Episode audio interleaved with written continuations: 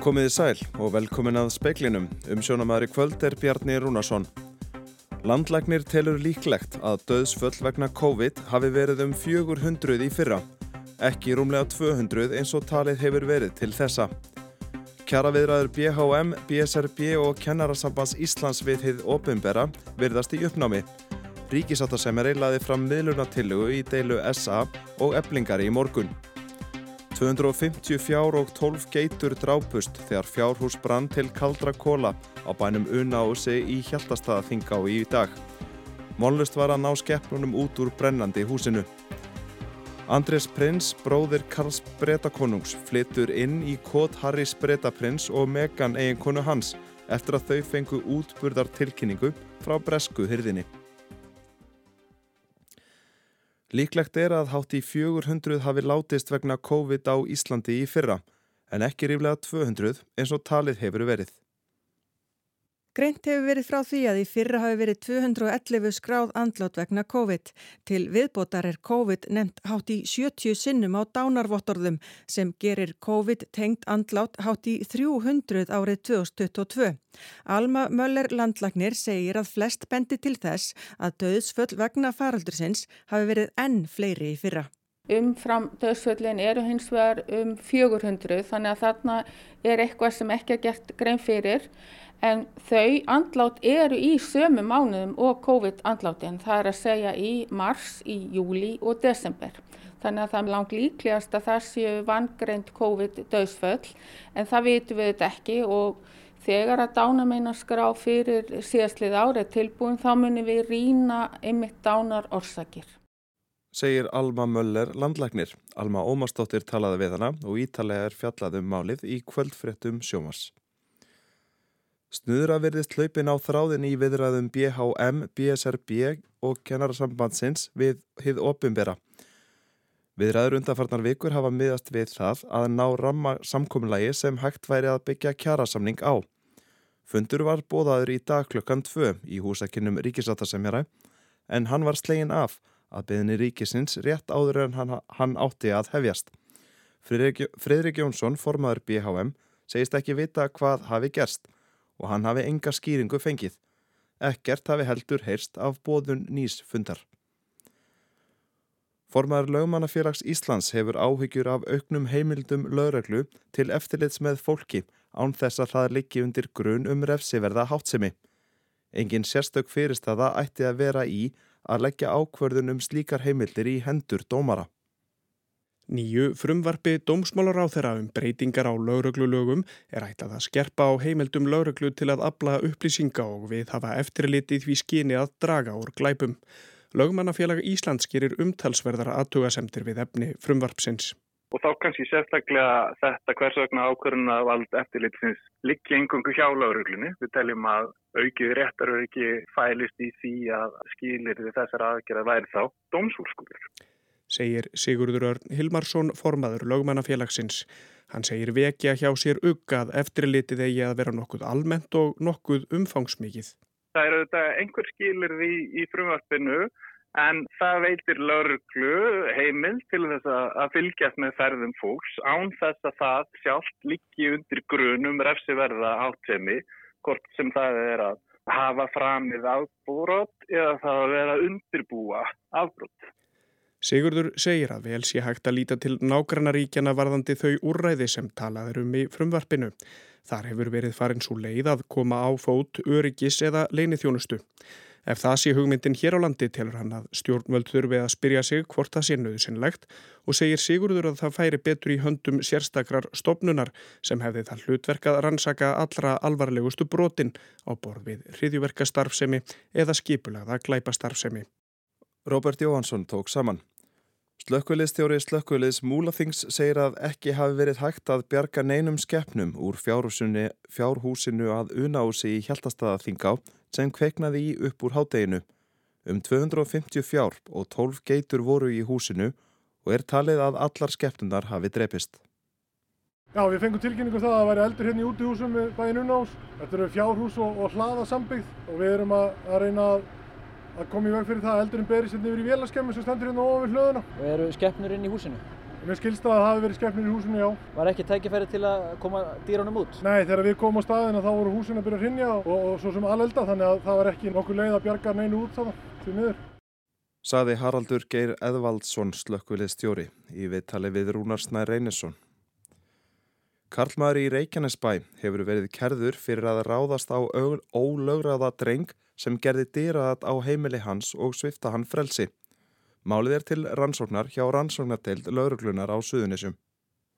Drengurinn sem er á 12. aldurs ári var í hópi stráka sem gerðu dýra tjá manninum á sunnudagskvöld. Maðurinn sem er á sjötugsaldri er sakaður um að hafa setið fyrir drengjunum síðar um kvöldið, ráðist að þeim, dreigið eitt þeirra inn á heimili sitt og læst drengin inni. Að sögn móður drengsins hjælt maðurinn drengnum föngnum í tæplega tíu mínútur og neytaði að hleypa honum út. Fóreldri eins drengjana hafi þurft að brjóta rúðu á útidirahörð mannsins til að komast inn og ná drengnum út af heimilinu. Lauruglunni á Suðurnesum hefur borist kæra vegna málsins. Fóreldrar drengsins löður fram kæru í fjórum liðum fyrir frelsissviftingu, líkamsárás, brota á barnavendalögum og fyrir að hafa beitt drengin nauðung. Maðurinn hefur áður verið ákjærður fyrir sambarilegt brott. Árið 2008 var hann ákjærður fyrir að hafa ráðist á 17 ára úling sem hafði gert dýra að hjánum. Sama ár var hann ákjærður fyrir að hafa ráðist á og numið 15 ára dreng á brott í bílsínum. Pétur Magnússon saði frá. Vetrar veiði tímabilið í Mývatni hófst í dag. Formaður veiðifélags Mývats segir að þrátt fyrir mikil hlýjandi síðustu daga sé ísin á vatninu vel heldur enda hafi frist vel í vetur. Á vetrarveiði tímabilinu eru netlögð undir þygt íslag mývats í þeirri von um að íþurra til nokkri silungar. Helgi Hjeðinsson, formaður veiðifélags mývats, segir fyrstu daga tímabilsins yfirleitt fara rólega af stað þar sem fólk fyrir út á ís til að kanna aðstæður og mögulega koma niður einhverjum netum. Hann segir hlýjindi undanfarin að daga ekki eiga eftir að hafa mikil áhrif en verðt sé að kanna aðstæður vel og fara varlega. Þannig að hérna er þannig sérlega á þeim hlutavassin sem að menn stunda þennan veiðskap á að ísin er mjög þykkur og er, er bílfær á þessum tíma eiginlega undanþekningalöst og smá svona hlýjindakablar hafa ekki mikil áhrif á hann ef, ef hefur verið gott frost yfir vettur sem hefur nú verið ágætt í vettur og ég hef ekki vonað öðrun að ísin sé mjög tröstur. Undanfarin ár hefur veiðin í vatninu verið takmörkuð vegna hruns í stopninum en Helgi segir núverandi fyrirkomulag henda ágætlega og að stopnin beri vel þá veiði sem nú er stunduð. Hann segir erfitt að áætla hvernig veiði á komandi tímabölu muni ganga en það hafi fæðuskilirði í mývatni verið slæm síðustu tvö ár. En svona það rennast alltaf blind í sjóin og það kemur hérna ekki ljósverðin að mann fara svona að prófa núna í mars hvernig þetta lítur út og hvernig sílung mann, mann fá í netin. Saði Helgi Hjeðinsson, Amanda Guðrún Bjarnadóttir talaði við hann. Andresi Prins hefur verið bóðið að flytja inn í Frogmore Cottage aðsetur Harrys Bretaprins og eiginkonu hans Megan í Bretlandi. Götublaðið The Sun segir hjónin hafa fengið tilkynningu um útburðin frá Buckingham Hall í janúar nokkrum dögum eftir að umdeild æfisaga Harrys kom út. Að sögn Breska Ríkisjónsins hefur hyrðin ekki vilja svara spurningum um málið. Harry og Meghan fengu kortið sem er á landaritt konungsfjölskyldunar í Vinsor að gjöf frá Elisabetu englandsdrottningu. Varla hefur væstum parið í kortinu því þar eru tíu söpnherbyggi. Þó að hjónin búi í bandaríkjónum hafaðu notað Frogmore Cottage sem aðsetu sitt í Breitlandi og hjæltu meðal annars upp á einsás afmarli dóttur sinna þar. Andres sem er næst elsti sónur drottningarinnar býr skamt frá Frogmore í 31 herbergis húsi. Hann afsalaði sér öllum herrtittlum og hlutverkjum innan konungsfjölskyldunar á síðasta ári. Hann hefur ekki synd neinum ofinberum verkefnum fyrir hann konungsfjölskyldunar frá árinu 2019 þegar Virginia Jeffrey sagaði hann um að hafa beitt sig kynferðslu ofbeldi þegar hún var 17 ára. Andres náði samkvæmulagi við Jeffrey fyrir rúmu ári og samkvæmt samningnum ranna umtalsverðar fjárhæðir í góðgerðarsamtök sem hún valdi. Yngibjörg Sara Guðmundsdóttir saði frá.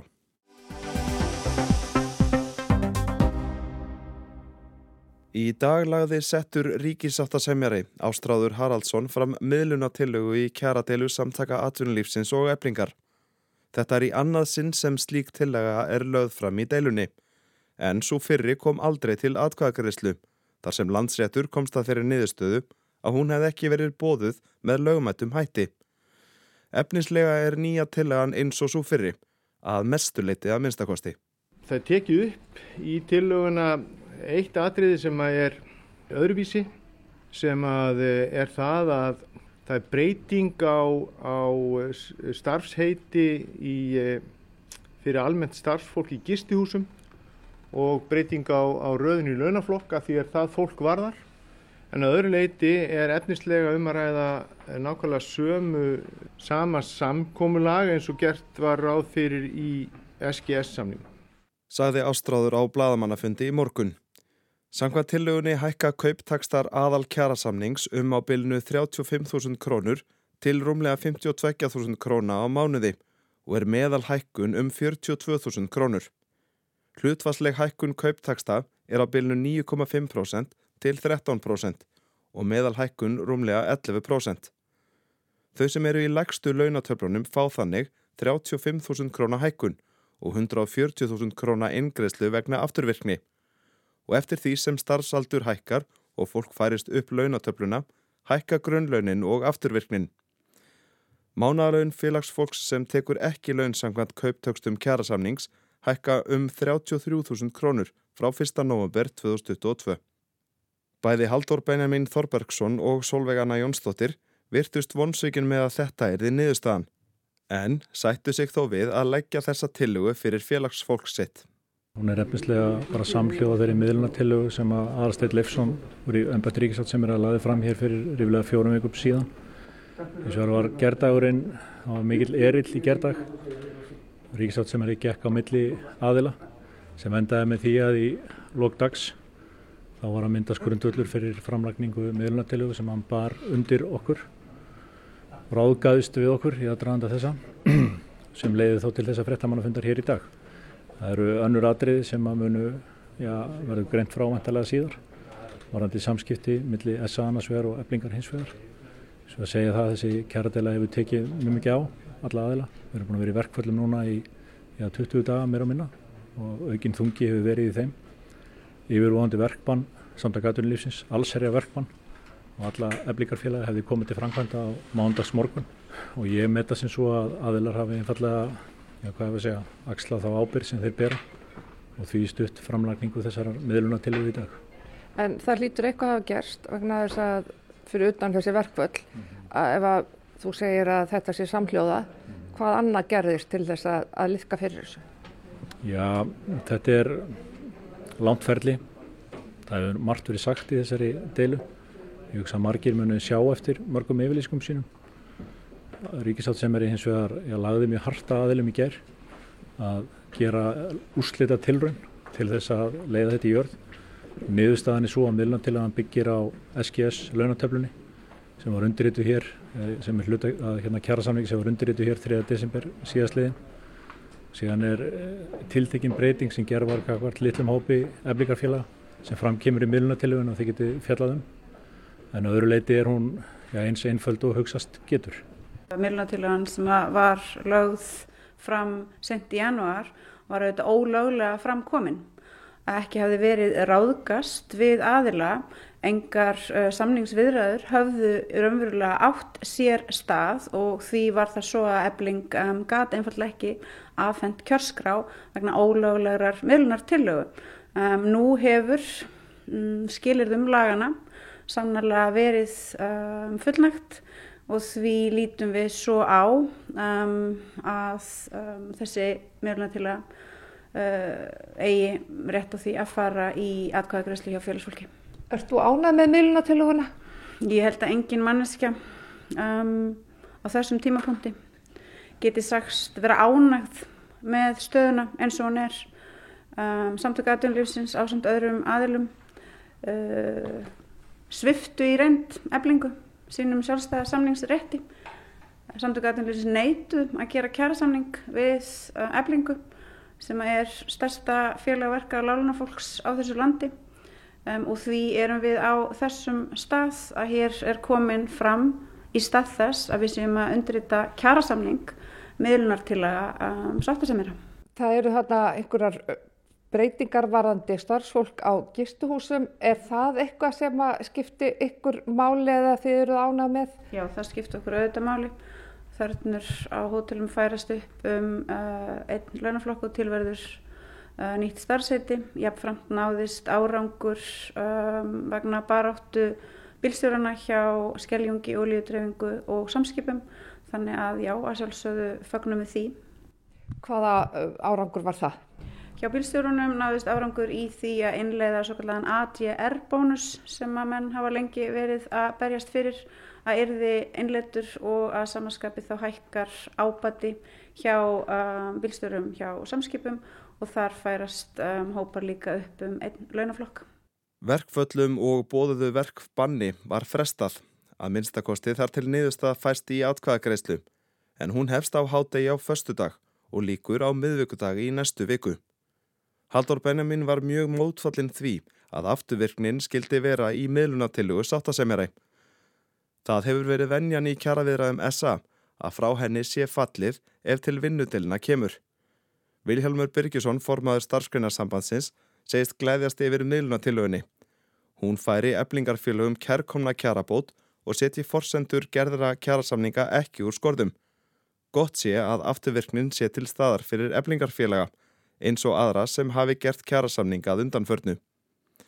En ekki er öll kurl komin til gravar. Í dag fór fram aðal með ferð fyrir félagsdómi í máli ASI gegn samtökum atvinnulífsins til að fá bóðað verkbann ASA dæmt ógilt. ASI heldur því fram að stjórn SA hafi verið óheimilt að taka ákvörðun um verkbann og eins og það er orðað vegna þess að ójæmt atkvæðisvægi félagsmanna SA sé í kostningunni um verkbannið eigi það sér ekki lagastóð. ASI segir jáfnframt að það telji verkbannsbóðun ólöglega þar sem allir félagsmenn SA hafi verið á kjörskrá, burt sér frá því hvort þeir starfi á félagsvæði eblingar eða ekki. Þá hafi verið formgallar á verkbannsbóðun SA sem gerir hana ólöglega. Ástráður Haraldsson, settur sáttasemeri, segir atkvæðagreislinu um miðlunatilöguna vera með öðrum hætti. Í henni taka þátt bara þau hlutaðegandi aðeldarfyrirtæki SA sem að, að, að greiða laun eftir þessum samningi og þeir félagsmenn eblingar sem að, taka laun eftir þessum samningi. Þannig að, og það er engin ágreiningur um það og hefur aldrei verið svo mjög sér kunnugt um það hver ég afgreiða þennan samning. Mm. Verkbannsmálið er, um, er um allt annað. Það er auðvitað um það hverjir hefur heimildið að taka ákvarðanir um að beita verkbannsvotnunu í þá samtaka atvinnlífsins og það er engin afstæða tekinn til þess hér og við erum ekkit, við erum ekkit í þeim bransa hér. Það er að þetta, þessi atkvæði sem verða greitt af halva SA, það er eitt félag, eitt atkvæði? Nei, það fer auðvitað bara eftir þeirra reglum um það hverju njóta atkvæðisréttar í félaginu sko. Ebling byrti sýteis í dag yfirlýsingu þar sem farið er í gegnum allt ferli viðræðinana. Það hafi verið langt og strangt og hart tekist á. Meðal þess sem ebling gaggrinir er aðkoma ráþærinna Guðmundar Inga Guðbrandssonar og Katrínar Jakobsdóttur. Þau hafi varið það sem ebling kallar ólögumættar aðgerðir aðalstegs Leifssonar ríkisáttasemjara. Það muni seint gleymast að samtöku atvinnulífsins hafi búið til verkbans. Tilgangurinn með því hafi verið að tæma vinnudelu sjóð félagsins, hræða eblingarfélaga til hlýðnim og þrýsta á stjórnvöld að taka afstöðu með SA í kjaratelinni.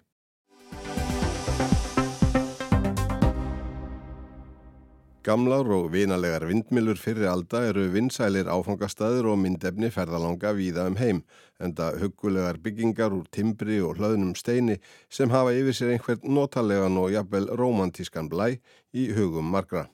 Um vindmilur nútíma skegnir öðru máli. Þær eru úr málmi, oftar en ekki alhvítar, skaga alltaf 200 metra upp í loftið, standa gerðnan margar saman og eru gjör snittar öllum sjarma í hugum margra í það minsta. Ólíklegt má því heita að það er laðið til sín ferðafólki í stórhópum en leiða má að því líkur að þær stuði margan ferðalangin sem hingað kemur til að njóta náttúrufegurðar og ósnortina víðerna ef ekki er varlega farið. En það er framleiðar afmagn og á þriðja tug vindorku vera eru til skoðunar hjá orkustofnun og faghópum 5. áfanga ramma áallunar. Anna Dóra Sæþórsdóttir, landfræðingur og professor við Háskóla Íslands er formaður faghóps nr. 2 sem fjallar um áhrif virkjana á ferðarþjónustu og útivist. Sáhópur hefur skipt landinu upp í 136 svo kolluð ferðarsvæði þar sem hort er til tvekja megin þáttar. Það eru fyrsta lagi landshættir þar sem við horfum á og reynum að hafa svona einsleitar einingar. Það getur verið fjalllendi eða heiði eða lálendi ykkur skona einsleitt eining en svo skiptir líka máli hvers konar ferðamennska er stunduðar. Er þetta til dæmis fjölda ferðamennska þar sem að eins og bara þjóðvegur, ringvegurinn, þar sem að þú veist þúsundir manna, tögþúsundir manna renna í gegn eða er þetta úfið raun þar sem að fáir jeppamenn sninglast um og, og síðan kannski bara göngufólk sem að fer í gegn. Þannig að út frá landsáttum, ferðamennsku og síðan ef það passar inn í svona einhver ákveðnar stjórnsýslu einingar eins og miðhálendis línan eða mörg þjóðgarða eða sveitafélag mörg þess vegna. Við afmörkun ferðasvæðana er horki hort til síslumarkani einsleitni í stærð, heldur er það eðlisvæðana á náttúra sem ræður för. Þannig að við erum með alveg flenni stórsvæði eins og hluta af ódaðarhaunni sem er bara mjög stór eining og svo erum við með lítil svæði eins og í kringum fyrði á austverðum eða vestverðum sem að snýr þá að einhverju ákveðnu byggðalægi og kannski svæðinu þar í kring.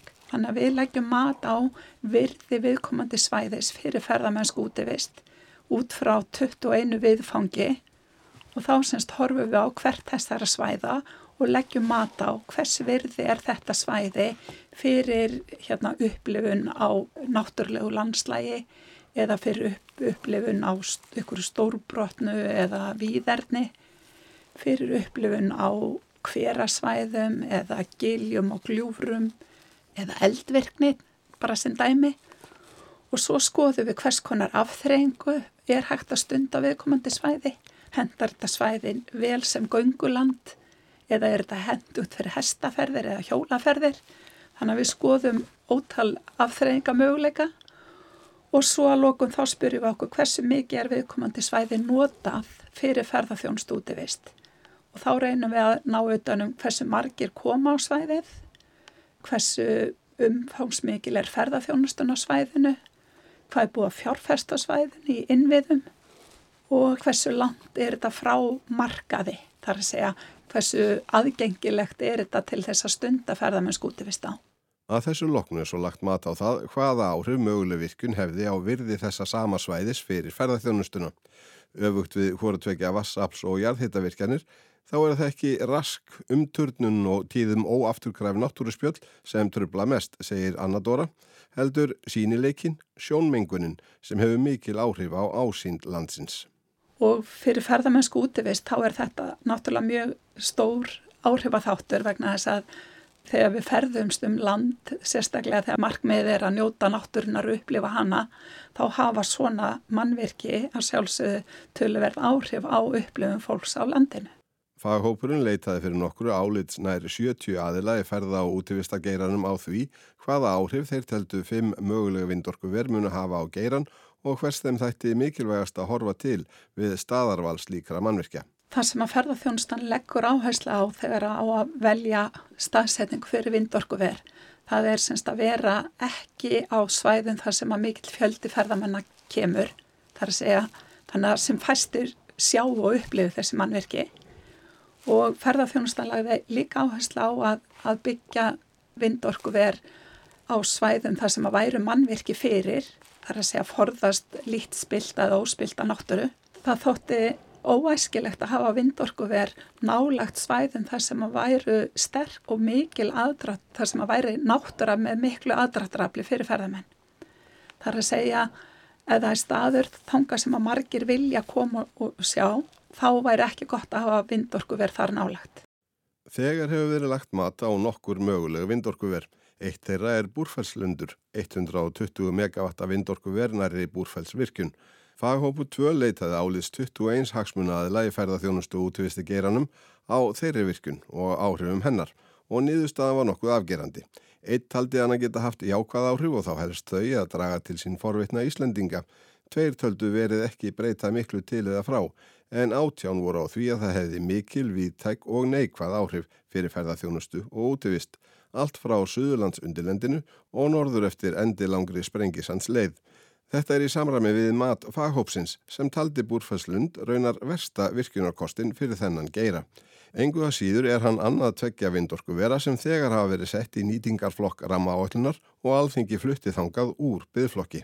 Já, ég verða viðkjöna það. Það kom mér mjög á óvart þegar alþingi setti og færði sem sagt búrfælslund úr byggflokk og í nýtingarflokk. Þetta var eina virkunin sem var þannig færð í nýtingarflokk. Aðrir kosti sem voru færðir voru færðir í byggflokk og það þýðir að þá kosti á að skoða betur en við það færi einhvern í nýtingaflokk þá ekki að skoða neitt betur heldur þá er bara hægt að fara stað í næsta stíi framkvæmda þar sem sækjum önnur leifi. Þannig að jú í ljósi þess að faghópu 2 var í tvígang búin að segja að þetta væri vesti kosturinn fyrir ferðarþjónust útivist og í ljósi þess hvað ferðarþjónustan er orðin stór og umfangsmikil í íslensku samfélagið. Þá var ég að viðkynna það að ég var hissa þegar alþengi ákvað þetta en aftur á móti þá ger ég mér alveg grein fyrir því að svona ákverðun hún náttúrulega byggir á því að það er ímislegt annað sem þarf að taka tillit til og búrfælslundur hafði ekki mjög, mjög mikil áhrif út frá því sem aðrir faghópar lögðum mat á og svo það sem alþengi síðan raukstötu þetta með það er að þarna eru allir innviðir fyrir, það eru raflínur, það eru vassaflsvirkjanir þannig að þetta hendar vist mjög vel að spila saman vassafl og vindorku og út frá því það væri þetta mjög heppilegur kostur þrátt fyrir þetta kæmur svona ítla fyrir ferðarþjónust útivist. En það er náttúrulega bara eins og ramma og virkar, það er verið að taka ótal þætti saman og þeir fara ekki allir saman og þeir eru stundum á skjön en með því að skoða þá alla saman þá vonandi komist við að bestu niðurstu. Saði Anna Dóra Sæþórsdóttir, Ævarörn Jósefsson talaði við hana. Formaður viðresnar segir að samsetning ríkistjórnarinnar hamli ákveðnum málum frekar en að veita þeim brautargengi og þess vegna hafi tillaga hennar um sérstaka varnarstefnu fyrir Ísland verið feld á alþingi í gær. Það hafi komið á óvart að sjálfstæðisflokkurinn hafi ekki stutt tillöguna, flokkur sem hafi haft frumkvæði að því að móta varnir landsins. Forsættisrað þeirra segir að þjóðaröryggi stefnan hafi staðist tímans tönn og sanna gildi sitt ekki hafi reynst ástæða til að samþykja breytingatillugu formans viðristnar um varnastefnu fyrir Ísland sem sé, sé, nú, sem sé nú þegar undir skýrri stjórn. Ég skil tillöguna en ég tel að hún er í raun og veru fyrir hendi þar að segja skildan sem kvílir á utanrikisráð þeirra að sinna stefnumótun og sviði varnamála. Ég tel að, að svo skilda sé fyrir hendi í þeim varnamálalögum sem er í gildi þannig að Ég tel að þessi þáttur sé líka í raun og veru uh, undir skýristjórn og í þessu tilviki á forræði viðrækisráðara. Saði Katrín Jakobsdóttir forsætisráþara. Þorgerðu Katrín Gunnarsdóttir formaði viðreistna segist að vonbríða tillaga hennar um að vinna sérstakri varnarstefnu fyrir Ísland sem væri hluti að þjóðaröryggistefnunni hafi verið fælt á alþingi. Allir stjórnarliðar greitu atkvæði gegn tillögunni. Já, það voru ákveðum vonbreið og það einhverju leiti kom það líka á óvart að til að mynda sjálfstæðisflokkurinn sem hefur haft frumkvað því að móta svolítið varnir okkar og treyði það á sínu tíma að Ísland var stopnaðili allarsasbandalagsins að það kom á óvart að sjálfstæðisflokkurinn treysti sér ekki í það að fara fela auðverkisráð fyrir að móta varnarstefnu, það er að segja skerpa á stjórnsíslinu, skerpa á ábyrðinni, leiðunum, fjármögnunni og það kom verulega óvart. En enn og aftur þá eru við að sjá það að, að samsetning ríkistjórnana er þess eðlis að hún, hún hamlar frekar ákveðnum málum heldur en, heldur ítir undir þau. Þannig að já, samsetning ríkistjórnana var til þess að hún í rauninni fór leið lagsta samnefnarans í því að tryggja þjóður öryggi. Er varnastefna fyrir Ísland að þínum að þetta er nöðsynleg? Já, hún er algjörlega nöðsynleg og, og við eigum að gera alveg óhyggjað eins og aðrar Evropaþjóður að fara yfir þessi mál. Við eigum ekki að láta einhver tepruskap eða hálfvelgi í þessum málum stjórnaför, heldur miklu frekar eigum að fara í þetta festu og óhygga móta okkar varnastefnu. Það hefur verið best að utryggisráð þegar hefur verið falið þetta verkefni í samfunnu við alþingi. Saði Þorgerur Katrín Gunnarsdóttir. Jóhanna Vítis Hjalladóttir talaði við hana og Katrínu Jakobsdóttur.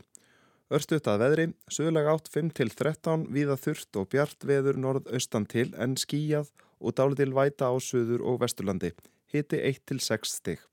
Það er ekki fleira í speiklinum í kvöld. Tæknumar var Mark Eldredd, frett átsendingu stjórnaði Valgerður Þorstistóttir. Njóti kvöldsins og verið sæl.